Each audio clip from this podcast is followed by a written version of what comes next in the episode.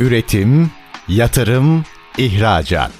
Üreten Türkiye'nin radyosu Endüstri Radyo sizin bulunduğunuz her yerde. Endüstri Radyo'yu arabada, bilgisayarda ve cep telefonunuzdan her yerde dinleyebilirsiniz. Endüstri Radyo.com Can Demirağ'ın hazırlayıp sunduğu Kobi Saga programı başlıyor. Kobiler için birlikte değer yarattığımız radyo programımız Kobi Saga'ya hoş geldiniz. Konuğumuz bugün SAP Bulut ve İş Çözümlerinden sorumlu Genel Müdür Yardımcısı Bülent Karal.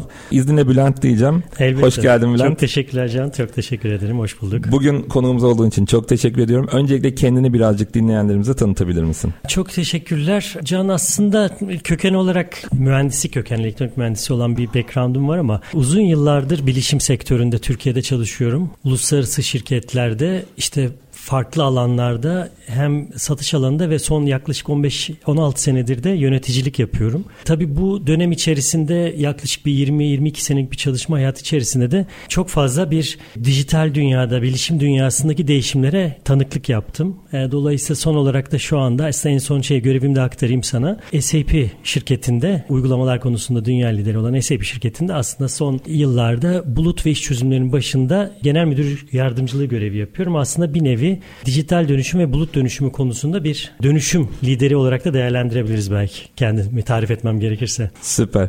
Şimdi teknoloji gerçekten çok önemli rol oynuyor hayatımızda. Ben hep şunu söylüyorum. Bu son işte 2023 yılına girdik şimdi. Son 20 yılda 23 yılda yapılan teknolojik gelişimle ondan önceki 2000 yılda gerçekleşen teknolojik gelişim miktarına aynı diyorlar. Yani teknoloji o dijital dönüşüm de diyebiliriz ama dijital dönüşme ve teknolojinin gelişmesi hızlanarak ilerliyor. Şimdi bunu dediğimizde aslında birazcık pandemiden de bahsedebiliriz. Şimdi yaklaşık 2-3 senedir böyle bir belirsizlik içerisindeyiz ve şirketler gerçekten kendilerini bu yeni çalışma metotlarını alıştırmaya çalışıyorlar. Bunun tabii ki iş yapış şekillerine de bir etkisi var. Şimdi 2023'te aslında belirsizlik altında iş yapma dediğimiz bir temaya aslında giriş yaptık. Bunu konuşabiliriz. Şimdi pandemi sonrası böyle dijital açıdan baktığımızda kurumların en büyük zorluklarını ne olarak gözlemliyorsun? Can şöyle çok güzel bir şey temas ettim. Belki birkaç sene sonra sanıyorum buradaki terminolojiler de değişecek. Yani böyle pandemi sonrası ya da iki senede şunlar da değişti. Çünkü pandemi gerçekten birçok şey fazlasıyla değiştirdi.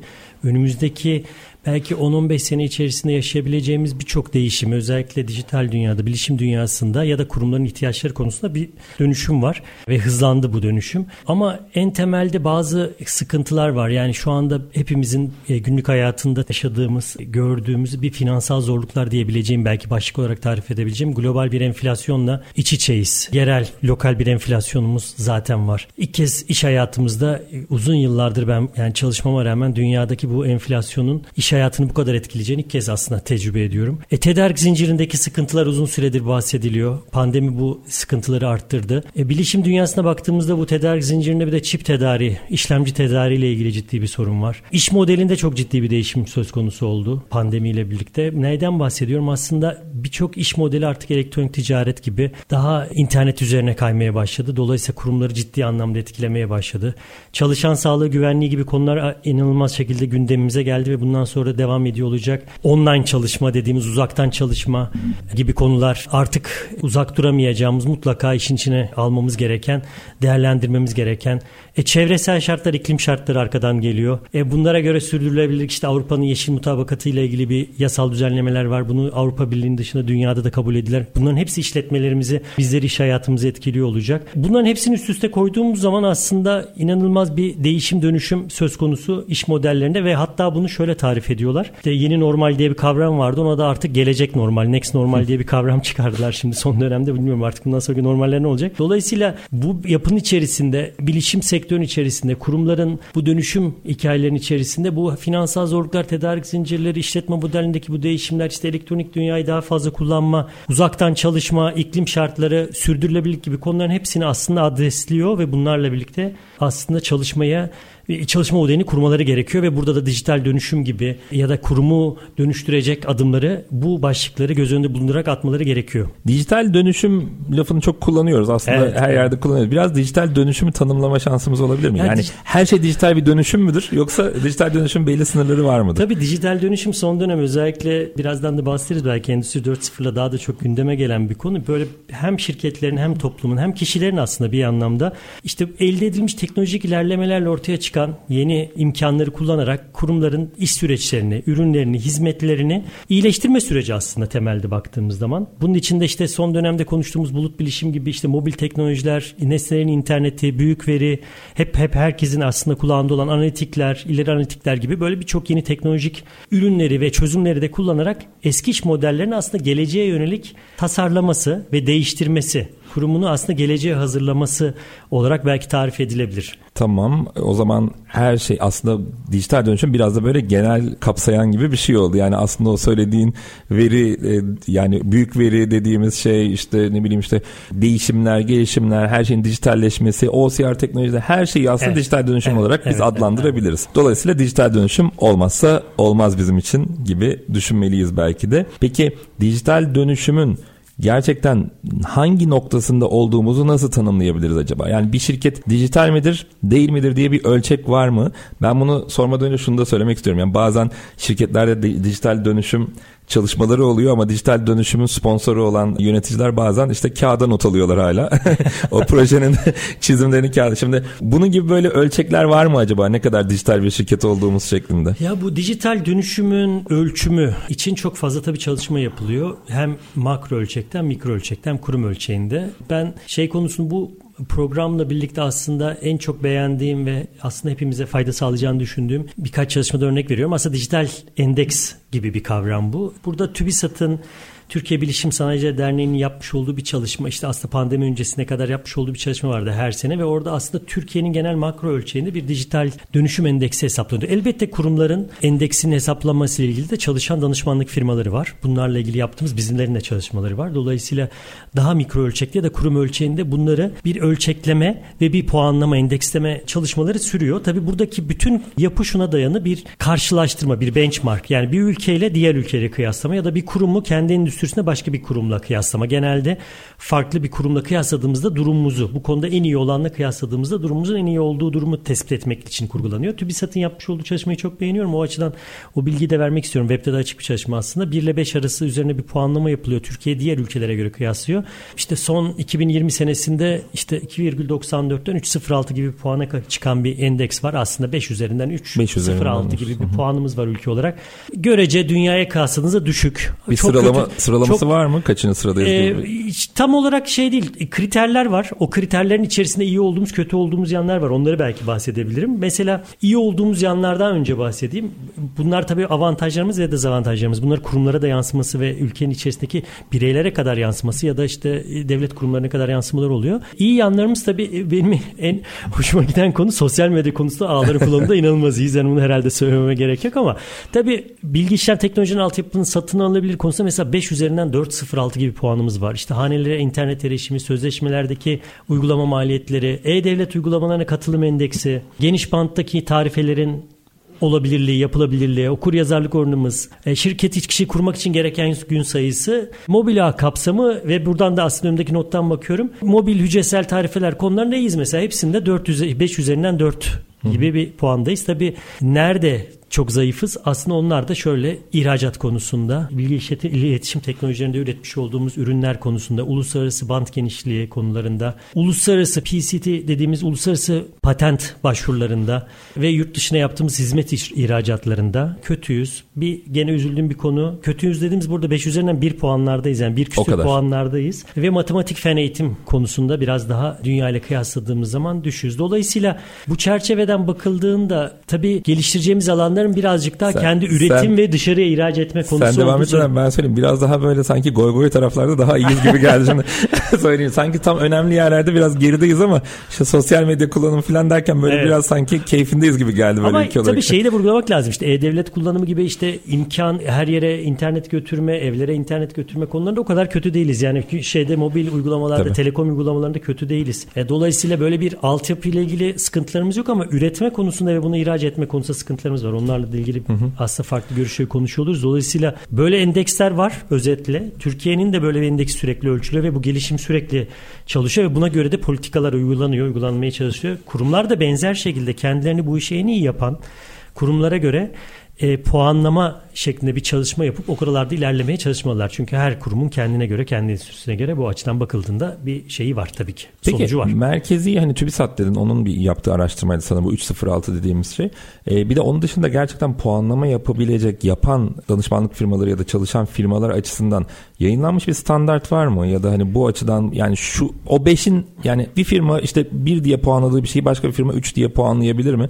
Bunları nasıl birleştirebiliriz acaba sektörel açıdan? Yani şöyle e, burada gene endüstri bazlı ve ihtiyaç bazlı konuşabilir. Bugün bir perakende endüstrisiyle işte bir KOBİ'nin ihtiyacı ya da bir holdingde işte üretim yapan ya da işte ne bileyim bir maden şirketindeki ihtiyaçlar, dijital dönüşüm ihtiyaçlarının kriterleri farklı. Dolayısıyla bunları tek bir kriter bir düzlemde oturtmak bir puanlamak çok kolay olmasa da genelde yapılan tüm çalışmalarda mesela bu bir çelik endüstrisi ise çelik endüstrisi bir benchmarking ya da bir standartlaşma ve o standartta sen çelik endüstrisinde neredesin diye bir çalışma puanlama yapma şansımız var. Ve bu çalışmalar yapılıyor. E bu arada mesela bunlardan en güzellerden bir tanesi de bizim de aslında bir parçası olduğumuz SAP olarak MES Türkiye Metal İş Sendikası'nın yapmış olduğu bir danışmanlık hizmetleri ve birlikte kurumlarına üyelerine sunmuş olduğu bir benchmarking hizmeti var. O taraftan da biraz takip edeyim. Dolayısıyla endüstri bazlı, ihtiyaçlar bazlı standartlar ve puanlamalar var ama bunların bütün endüstri ve bütün ihtiyaçları tek bir düzlemde birleştirmek tabii ki. Bir de bir, bir yolculuk da böyle söylemek lazım. Puanı 5 aldığınız zaman biten bir yolculuk da değil. Bugün 5 aldığınız bir şey benchmarkta evet. E, iki sene sonra bir rakibinizin sizi geçtiğinde 5'ten yani toplamda gene 3'e düşme şansınız var. Dolayısıyla sürekli bir gelişim. Tabii düşüm. bizde hiçbir değişiklik olmasa bile rakipler artınca e, düşüyoruz yani, değil mi? Tabii sürekli dijitalleşme ve gelişme ve geleceğin hatta biz ona akıllı işletmeler diyoruz. Geleceğin işletmesi olma çabası sürekli devam ediyor. Bu bir yolculuk Hı. aslında. Biz de şey derdik yani VUCA dünyasında aslında her zaman yeriniz muallak. Çünkü nerede olduğunuz siz hiçbir şey ne yaparsanız yapın yap aynı şeyleri yapmayı sürdürdüğünüz sürece geride kalma ihtimaliniz var. Az önce konuştuk işte yani biz diyorduk işte 100 yılda olan şey 2 yılda belki bilmem işte şu kadar evet. zamanda olan artık 2 ayda gerçekleşecek. bu projelere de yansıyor onlardan da bahsedelim. Beklenti ve süreler oldukça kısaldı. Elde edilecek yani bilgiye ulaşmak çok kolaylaştı. Çok. Üretmek ve hayata geçirmek, sonuç elde etmek de hızlandı. Bu hız da gittikçe artıyor standartlaşmayla birlikte. Dolayısıyla bir yolculuk ama yolculuk içerisinde elbette bir benchmark almak ve bir endüstriyle ilgili bir standart arasından o gelişimi görmek, takip etmek Tabii. bence önemli bir şey. Benim çok sevdiğim bir laf var. Sen de duymuşsundur. Marshall Goldsmith'in seni buraya getiren şey oraya götürmeyecek diye. Ee, Aynen. Kesinlikle bizim mutlaka ama mutlaka bir şeyler yaparak aslında bir sonraki adıma gitmemiz lazım. Yani oh biz işte 5 üzerinden 4 aldık diye rahatlamaması lazım anladığım kadarıyla firmaların. Çünkü çevre değişiyor. Onları da ayak uydurması lazım.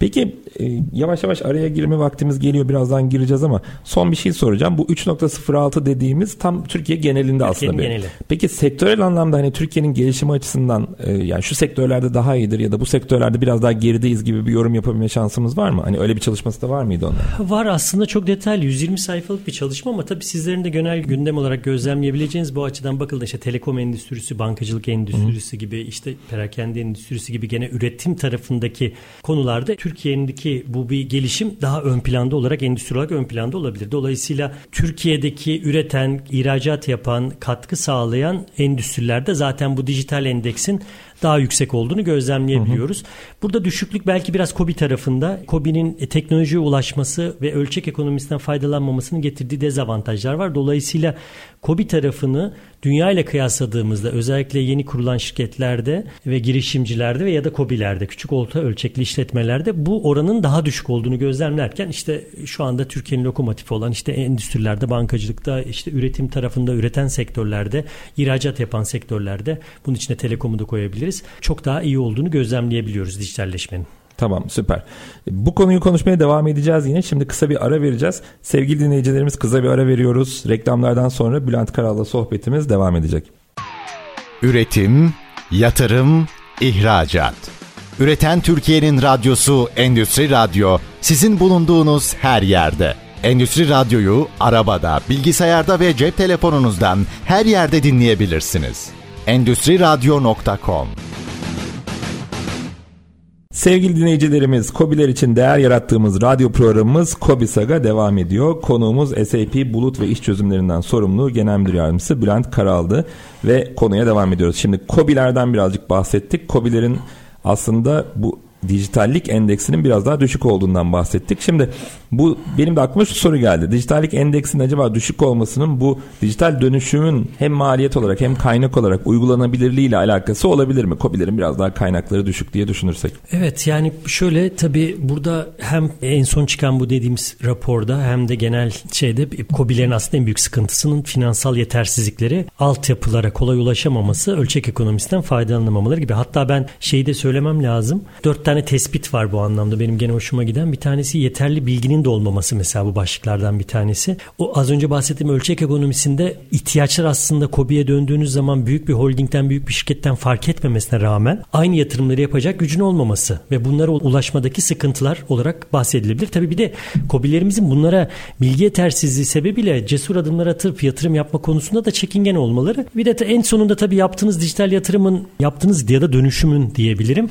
Sonucunda kurum kuruma bir fayda sağlaması lazım. Bir tasarruf sağlaması lazım ya bir gelir artışı sağlaması lazım. Temel zaten dijital dönüşümdeki aslında ana tema sizin ya iş süreçlerinizi iyileştirecek ya daha çok kazanmanızı sağlayacak ya bazı konularda tasarruf sağlayacak. Bu da bir geri dönüşüm süresi olarak hesaplanır. Buralarda da yapılan yatırımların COBİ'lere çok hızlı geri dönmediğini bu da dolayısıyla dönüşüme yatırım yapmakta e, sıkıntılar ya da işte bazı e, bariyerler olduğunu gözlemliyoruz. Ben bir gözlemimi daha aktarmak istiyorum burada hemen konuya girmişken. Şimdi dünyada e, biraz o finansal büyümeleri, büyüklüklere de baktım. Dünyada aslında üretimin dünya genelinde üretimin %80-90'ını COBİ'lerden üretildiğini de e, raporlar söylüyor. İstidamda %70'i. Türkiye'deki durum da en son TÜİK raporlarına baktım. Gene istidamda %70 aslında COBİ %70-71 oranında bir COBİ şeyi var, katkısı var ama üretimdeki oranı %38, cirodaki oranı %44 gibi bir oran. En son 2021 rakamları. Biraz daha el ayak usulü gidiyor yani. yani dolayısıyla bu anlamda bakıldığında verimlilik, rekabet avantajı, dünyada rekabet edebilmek, üretmek ve daha fazla ciro etme açısından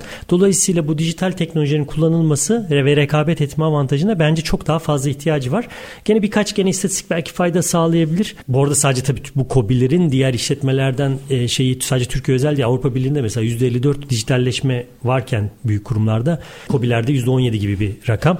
Ama Türkiye'deki maalesef oranlar biraz daha düşük diyebiliriz. Mesela gene TÜİ'nin yaptığı araştırmalarda Türkiye'de %40-50 seviyelerine büyük şirketlerde e, bulut kullanımı mesela yaygınlaşmışken bu kullanım daha hala şeylerde kobi oranlarında 10 %10 seviyelerinde. Hı hı. İşte robotik teknolojileri %20-25 seviyelerine çıkmışken endüstrilerde bu oranlar küçük işletmelere düştüğümüzde %3-5 ki bunlar bence çok önemli. Mesela yapay zekayı bugün artık birçok büyük kurumda konuşurken bunları kobilerde daha maalesef konuşma aşamasına gelemedik. Dolayısıyla bu açıdan bakıldığında evet yani konuda biraz gerideyiz ama tabii ki bu sıkıntılarda kobilerin önünde de hem maliyet hem altyapı imkanları hem ölçek ekonomisine ulaşamama, bunları hızlı geri döndürememe ve kuruma fayda sağlayamama konusunda da birçok sıkıntı söz konusu. Tabii pek ben tabii şöyle bir gözlemle ben söyleyeceğim. Tabii büyük firmalarda aslında COBİ'lerin bir tık üstüne çıktığımızda aslında istihdam yüksek olduğu için yapılan her hamlede sürekli yeni bir eleman istihdam etmekten acaba bunu nasıl kurtarabiliriz şeklinde bir yaklaşım var. COBİ'lerde de daha az henüz şu an hani bunu nasıl yaparız? Şuraya bir adam koyalım o yapsın şeklinde bir yaklaşım biraz daha normal geliyor aslında. Ölçeği yakalayamadıkları için. Ben onu soru olarak alayım istersen.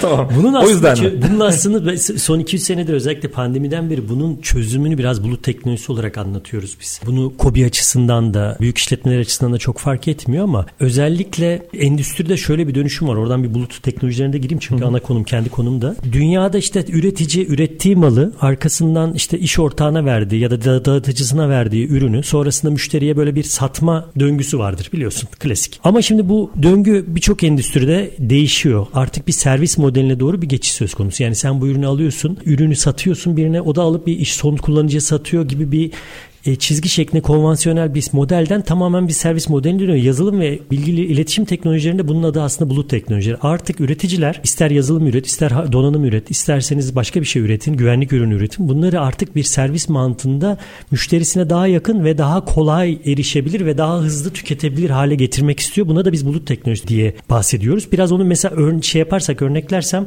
mesela verileri daha çok fazla verimiz var. İşte Nesne'nin internetten sahadan artık her yerden veri topluyoruz. Yani bugün saatimizden de veri geliyor. Bir işletmeye gittiğiniz zaman işletmenin herhangi bir yerinden sürekli veri üretiyoruz. Bunları bir de gerçek zamanlı almaya başladık. Bir de bunları birçok farklı yazılımlarla işlemeye başladık. Bir de bunları alıyoruz böyle yüksek veri depolama alanlarına koymamız lazım. Depolamamız lazım. Sonra bunlardan bir analitikler çalıştırıp karar vermemiz gerekiyor. Ve bunun için bir ekip kurmamız lazım. Az önce senin söylediğin gibi. İşte aslında bulut bunları bir merkezi olarak kurumlara kolaylıkla erişebilecekleri, küçükten başlayıp büyüyebilecekleri bir imkan sunuyor. Dolayısıyla bence burada çıkış noktası birazcık da bu ölçek ekonomisinden küçükten başlayıp büyüye daha düşük yatırımla hızlı sonuç alabilecekleri ve bu uzmanlıkları kolaylıkla şirketin işletmenin bünyesine katabilecekleri bulut teknolojileri. Ne yaparsanız yapın. Yazılım yapıyorsanız donanım işle izleme güvenlik hizmeti alıyorsunuz. İşte bugün zaten standartlaştı bir e-posta hizmeti alıyorsanız bunu artık zaten buluttan Hı. alıyorsunuz ya da işte cep telefonumuzdaki bütün her şey artık buluttan geliyor gibi. Aslında her seviyede artık bu hizmetleri daha merkezi daha kolay ulaşılabilir, daha kolay tüketilebilir ve daha uygun maliyetlere tüketilebilir hale getirmekle bulut teknolojileri çözmeye başlıyoruz ve aslında bir tavsiyem de belki bu anlamda bunları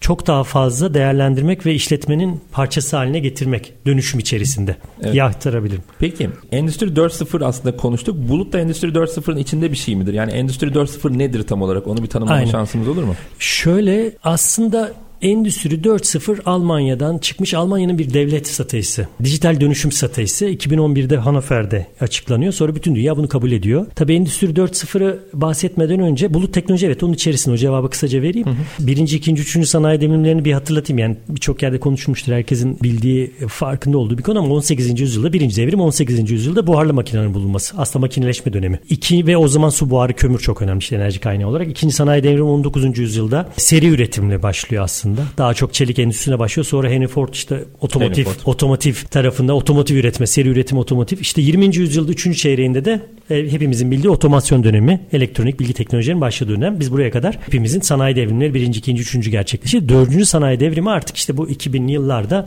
Almanya devletinin stratejisi olarak başlamış. Bütün dünya yaygınlaşmış. Dijital dönüşüm, dijitalleşme stratejisi aslında Endüstri 4.0 ve bunun içerisinde de birçok teknoloji var. İşte şeylerde makalelerde bakarsanız disruptif teknolojiler de deniyor. Değiştiren teknolojiler de denebilir. İşte bulut belleşim bunlardan bir tanesi aslında. Yani birçok şeyi merkezi sunma ama tabii hepimizin gene bildiğimiz işte sanal gerçeklik, arttırılmış gerçeklik yani kurumları bu anda sahada farklılaştıracak. Veri analitikleri, büyük veri, makine öğrenmesi, işte nesnelerin interneti, 3D yazıcılar, robotik uygulamalar ki bu robotik uygulama dediğimiz zaman elimize hepimizin aklına belki robotlar falan geliyor ama öyle değil artık. Yani yazılım dünyasında bir şeylerin otomatik otomatize edilmesi artık RPA teknolojileriyle otomatize edilen her şey artık robotik teknolojileri. Yani orada bir süreci çok basitleştirip ve standartlaştırıp bunu bir otomatize ettiğiniz zaman bir robotik teknolojisiyle uygulayabiliyorsunuz. Dolayısıyla bulut iletişim Endüstri 4.0'ın bir parçası. Endüstri 4.0 dünyanın şu anda dijital dönüşüm yol haritası ya da bir şeyi ana teması diye olarak söylenebilir. Peki burada 4.0 aslında 2000'lerde çıktı dedik ama 2000'lerde bu saydığın teknolojilerin hepsi de yoktu. Artık 4.0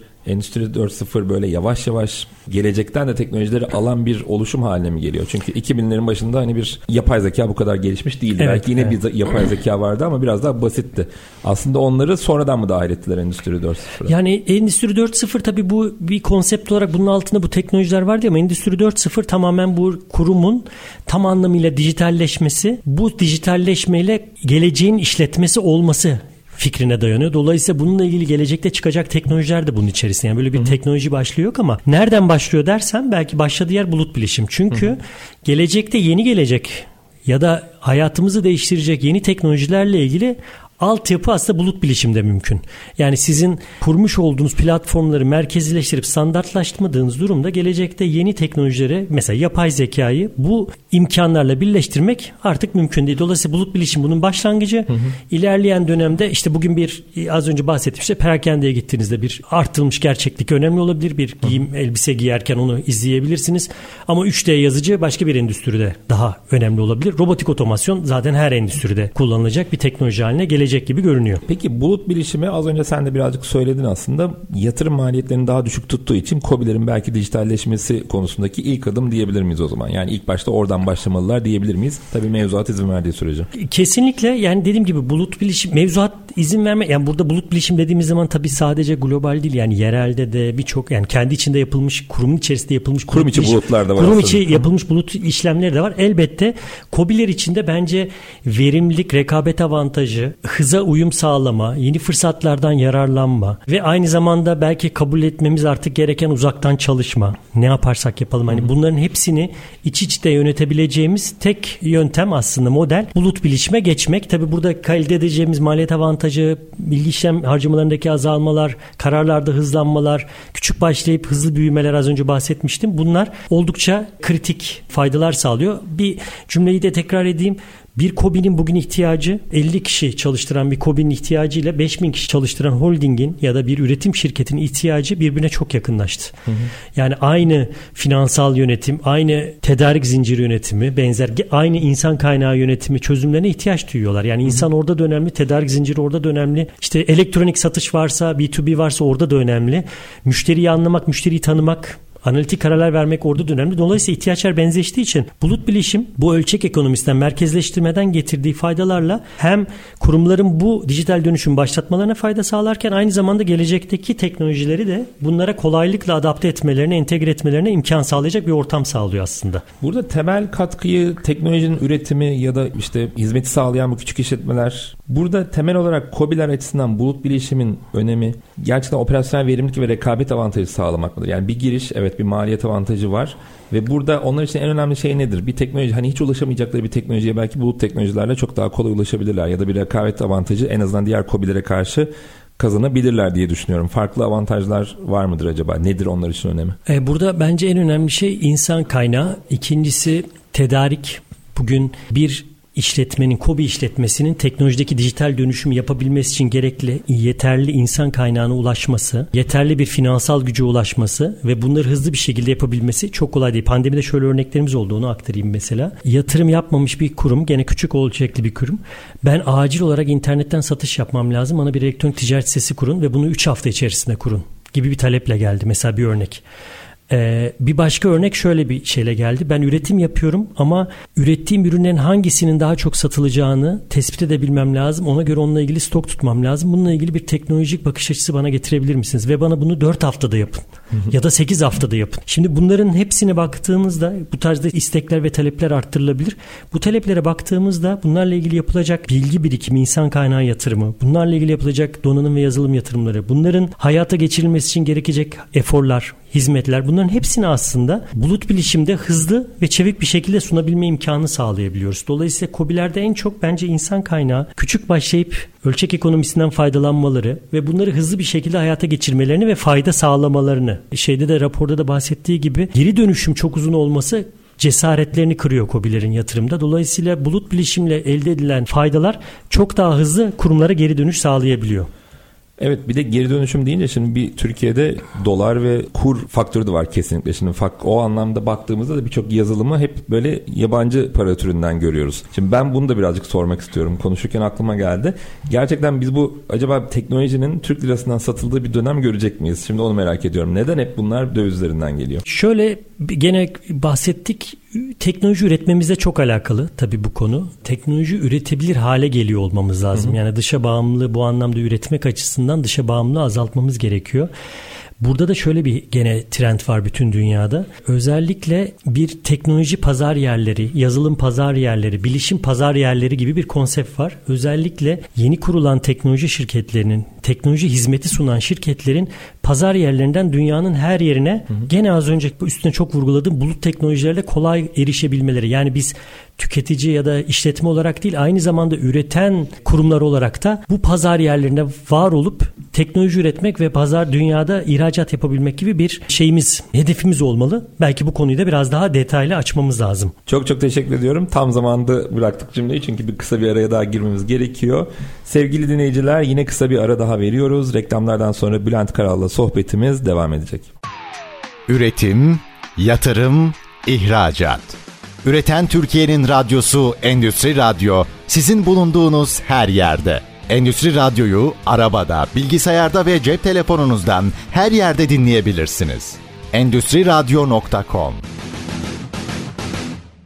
Sevgili dinleyiciler, Kobiler için değer yarattığımız radyo programımız Kobi Saga devam ediyor. Konumuzu hatırlatalım. SAP bulut ve iş çözümlerinden sorumlu Genel Müdür Yardımcısı Bülent Karal. Bülent en son pazar yerlerinden bahsettik. Birazcık teknolojiyi üretmekten bahsettik. Bunun biraz daha detayına inebilir miyiz? Nedir bu pazar yerleri ve nasıl onlardan faydalanabiliriz? Evet Can az önce bahsettiğimiz gibi özellikle işte TL'den girdik konuya ama üreten, ihraç eden ki bizim de aslında puanımızın endekste düşük olduğu teknoloji ihracatı konusunda çok ciddi odaklanmamız lazım. Burada da şöyle fırsatlar söz konusu artık ürünlerimizi pazarlara, farklı pazarlara, teknoloji ürünlerimizi farklı pazarlara ulaştırmak için aslında o kadar da büyük zorluklarımız yok. Yani bu gene bulut üzerinden oluşturulmuş pazar yerleri birçok işte yazılım, donanım gibi farklı üreticilerin desteklemiş oldukları pazar yerlerinden dünyalara küçük işletmelere ulaşmak mümkün oluyor. Dolayısıyla şu anda bizlerin de topyekün hem uluslararası işletmelerin hem ulusal işletmelerin hem de bu arada bunu destekleyen kamu kurumlarının ve belki üniversitelerin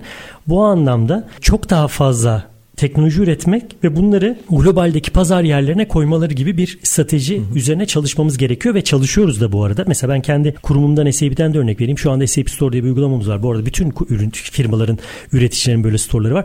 Yaklaşık 2000-2500'e yakın arasında böyle çözüm var. Bu çözümler o pazar yerinde rahatlıkla iş ortaklarımız tarafından konulabilir. Şu anda Türkiye'den mesela ona yakın uygulamayı biz burada yerleştirdik ve dünyaya satış imkanı sağlar hale geldik. Dolayısıyla bunların sayısını her üretici işte her e, kurum arttırdığı durumda Türkiye'den ihraç eden, Türkiye'den üretim yapan, teknoloji ihraç edebilen firmalar ortaya çıkacaktır. Ben ondan sonra zaten daha kendi yeri yerel para birimlerimize hizmet verebilen, daha fazla çözüm üretebilen ve aslında dijital endeksimizde de puanımızı arttıracak bir gelişmeyi öngörüyorum. Dolayısıyla en çok da bu tarafa bence odaklanmamız lazım. Bu arada o dijital endeks 3.06 dedik ama onun bir trendi var mı? Hani geçen sene kaçtı? Ee, o 2.94 2019 senesinde aslında 200 sene yapılmış bir Hı-hı. çalışma. Pandemiden sonra yeniden yapılması daha henüz yapılmadı. Yapılırsa bir, bir az bir puan artışı var ama şu anda tabii pandemi sonrası e, değişimi öngörmek çok kolay değil. Mesela şöyle e, ben kendim elektronik ticaret konusunda da çok yakın çalışıyorum. Elektronik Hı-hı. ticarette mesela hep Türkiye şeydi işte %3-4'lerde bir pazar payı var. İşte toplam ticaretin %3-4'ü denirdi. Hı-hı. Biz kurumlara gittiğimizde ya biz bir mağazada şey e, bütün elektronik ticarette bir mağaza kadar gelir üretiyoruz. Ya buna bu kadar yatırım yapmaya gerek var mı denirdi. Bir pandemi gibi bir değişim dönüşüm şu anda Değişti. henüz ölçümü yapılmadı ama mesela Avrupa ortalaması %15'ler civarındaydı. 15-20'ler civarındaydı elektronik ticaretin. Ben Türkiye'nin de şu anda yapılan yapılacak çalışmalarda en az %10 ile 20 arasında bir yere oturacağını tahmin ediyorum. Dolayısıyla mutlaka bu pandeminin tabii bizim bize olduğu gibi diğer ülkelere diğer, ve diğer kurumlara da olmuştur ama pandeminin gerçekten dijitalleşme konusunda da kurumları bir şeyde açılışta söylediğim gibi 10 yıl sonrasında yapacakları yatırımı erkene çekme gibi bir şeyi söz konusu oldu. Dolayısıyla ben endekste yükseleceğimize eminim ama tabii ki diğer ülkeleri tahmin etmek oradaki gelişimi ve oradaki benchmarktan nasıl bir sonuç çıkacak, karşılaşmadan nasıl bir sonuç çıkacak onu tabii öngörmek tabii, şu anda ancak görmek lazım gözle. Diğer ülkeler de tabii ki önemli. Ama bir taraftan da ben güveniyorum ya. Türkler böyle adaptasyon konusunda bayağı bayağı iyiler. Yani ben bunun en iyi örneğini yine o da bir teknolojik gelişme diyebiliriz. İstanbul'da hiç metro olmadığı zamanı hatırlıyorum. Bir anda metro ilk tek bir hat açılmıştı. Bir baktım herkes metroda sanki 10 yıldır metroya biniyormuş evet. gibi böyle bir adapte, adaptasyon içerisindeydi. Aynı mantıkta gelen teknolojileri de ben Türkiye'de hani çok iyi bir şekilde uygulayabileceğimizi düşünüyorum. Umuyorum e, diğer ülkelerden daha fazla ben yaparız. In, ve in, insan kaynağı ile ilgili şöyle bir şey söyleyeyim. Çalışanla ilgili şöyle bir şey söyleyeyim. Kendim kendi şaşırdığım bir konuyu söyleyeyim. Şimdi bu uzaktan çalışmayı hala birçok kurum çok desteklemediğini Hı-hı. söylüyor ama konu bilişime geldiği zaman, bilgi ve iletişim teknolojilerine geldiği zaman e şimdi doğru yetişmiş kaynağı bulmak çok zor. Hı hı. E, bu kadar hızlı değişen dönüşümün içerisinde bu insan kaynağını yetiştirmek de çok zor. O iyi okullarımızdan iyi öğrenciler çıkarıp bir de yeni teknolojiye adapte etmek zaten zor. Hı. Bir de bu yetiştirdiğimiz gençlerimizi yurt dışına kaybetme durumu söz konusu. Kaybediyoruz da farklı Hı. sebeplerden. Dolayısıyla bunları da tekrar elde tutmak çok zor. Bu kadar insan kaynağının özellikle yetişmiş insan kaynağının önemli olduğu Özellikle belki Endüstri, Endüstri 4.0'ın en çok ya bu dijital dönüşümün en çok aslında tartışılan konusu acaba e, bu dijitalleşmenin insan işte hep tartışılan bir konu belki bugün konumuz değil ama acaba ihtiyaç azaltacak mı? insan olan ihtiyacı azaltacak mı konusunun tam tersi çok daha fazla yetişmiş insana ihtiyaç duyulacağı ve biz bu insanları nasıl yetiştireceğimiz ve nasıl elde edeceğimiz konusu bence çok önemli. Dolayısıyla pandemide şöyle bir şey yaşadık. Şimdi konunun başına dönüyorum. Orada insan kaynağında bilişimi nerede doğru kişi buluyorsan orada kullanma şeyi çok arttı. Bir müşterimden örnek vereyim. Bugün bir IT organizasyonu yönetiyor. Yaklaşık 100 kişi çalıştırıyor. Bu 100 kişi Türkiye sattığında farklı yerlerde çalışıyorlar. Hı hı. Yani o 100 kişiyi tek bir ofiste oturtma şansı yok. Ve o 100 kişi tek bir ofiste oturtmak yerine kendi memleketlerinde, kendi yaşamak istedikleri yerlerde oturtarak uzaktan bilgi işlem teknolojilerini ve sistemini yürütmeye çalışıyor. Ve bunu bir strateji olarak kabul etmiş durumda. Bu Türkiye'de olan bir örnek. Türkiye içerisinde bir kurumun tüm bilgi işlem altyapısını 100 kişilik bir ekibi Türkiye saatine yayılmış şekilde yönetebiliyor. Dolayısıyla özellikle yetişmiş insanı nerede buluyorsak orada kullanmak ve onu tüketmek yani kaynağı kullanabilmek çok önemli ve biz buna da aslında yeni normalde dijital insan diyoruz. Biraz hani insan konusuna da girdik. Yetişmiş Peki, insan konusuna da girdik. Bu dijital insana ben biraz daha değinmek istiyorum. Şimdi tam böyle uzaktan çalışma gerçekten bize çok fazla şey kattı. Dediğin örnekte çok güzel bir örnek. Türkiye'nin tüm bölgelerinden birileri çalışıyor. Ama aynı tadı da alamıyoruz tabii. Şimdi ben de şey soracağım o zaman teknolojik anlamda aynı tadı alabileceğimiz başka gelişmeler de geliyor mu? Yani şimdi ben hala şeyi düşünüyorum. Pandemi sırasında en çok kullanılan şey işte mikrofonun kapalı. ya böyle basit şeyler hani mikrofonun kapalı kalmış. Ses gitti. Geriden geliyor falan gibi kelimeler en çok kullanılan kelimeler cümleler olmuş.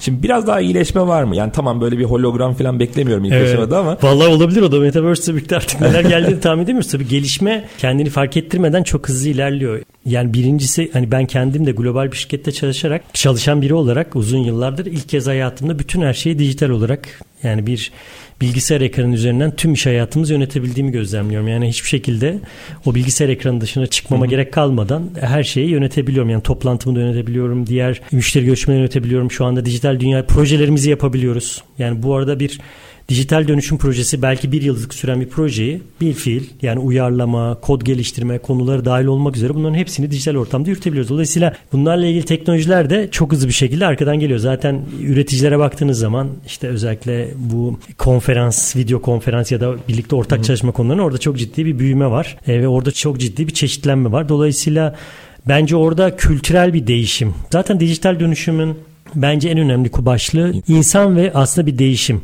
Dijital dönüşüm aslında bir teknoloji dönüşümü değil bir değişim. Yani aslında değişim yönetimi. Az önce gene çok bahsettim. Biz ona akıllı işletme diyoruz dedim. Tekrar söyleyeyim. Geleceğin işletmesini ta- şey yapmak, tasarlamak bu Hı-hı. dijital dönüşüm. Bu geleceğin tasarlanan dönüşüm içerisinde de insan var.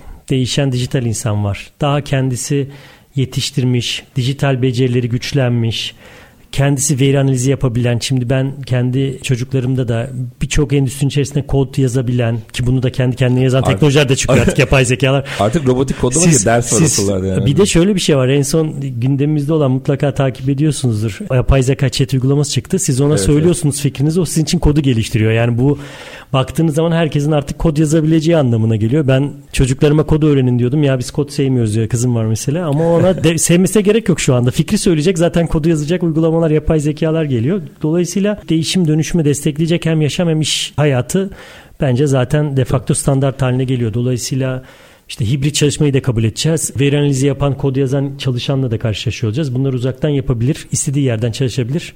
İnsanı da kabul etmek durumundayız. Etmezsek zaten ettirecekler. Asıl bir tren, gereken biziz aslında. Yani bir tren var ben öyle anlatıyorum bazen kurumlara. Mesela bulut bilişim için anlatıyorum. Bir tren var o tren gidiyor şimdi. O trene ne zaman hangi vagondan bindiğinizle alakalı. Yani bulut bilişime de, dijital dönüşüme de ya da işte uzaktan çalışmaya da bu trene baştan binebilirsiniz. Rekabet evet. avantajı sağlarsınız. Böyle bir araştırma da var. 20 yıl önce bu dijital dönüşümü yatırım yapan şirket şirketlerle borsadaki yeriyle bugünkü Amerika'da yapılmış bir çalışma. Bugün geldikleri yer ha, yapanlarla güzel. yapmayanlar arasındaki o farkı çıkaran çalışma var. Bizim kendi şirketimizin Türkiye içinde de dijital dönüşüme katkı yatırım yapmış SAP müşterilerinin kalkınmaya katkısı ile ilgili bir rapor hazırladık. Buradaki borsadaki değerinin artması, değerlemesi ve şirketin büyümesine bile bu tür teknolojinin faydası olduğu ilgili bir sürü çalışma var aslında. Evet. İnternete bakıldığı zaman. Ben o demin senin verdiğin tren örneğini yelkenliyle anlatıyorum. Ee, orada da rüzgarla hani bir değişim rüzgarı varken e, yapabileceğimiz en kötü şey o rüzgarın karşısında durmaya çalışmak olur. Halbuki bir yelkenli gibi böyle rüzgarı uygun açıyla alırsak Alırsan, o evet. değişim rüzgarından biz de faydalanırız. Orsadan alırsan. evet.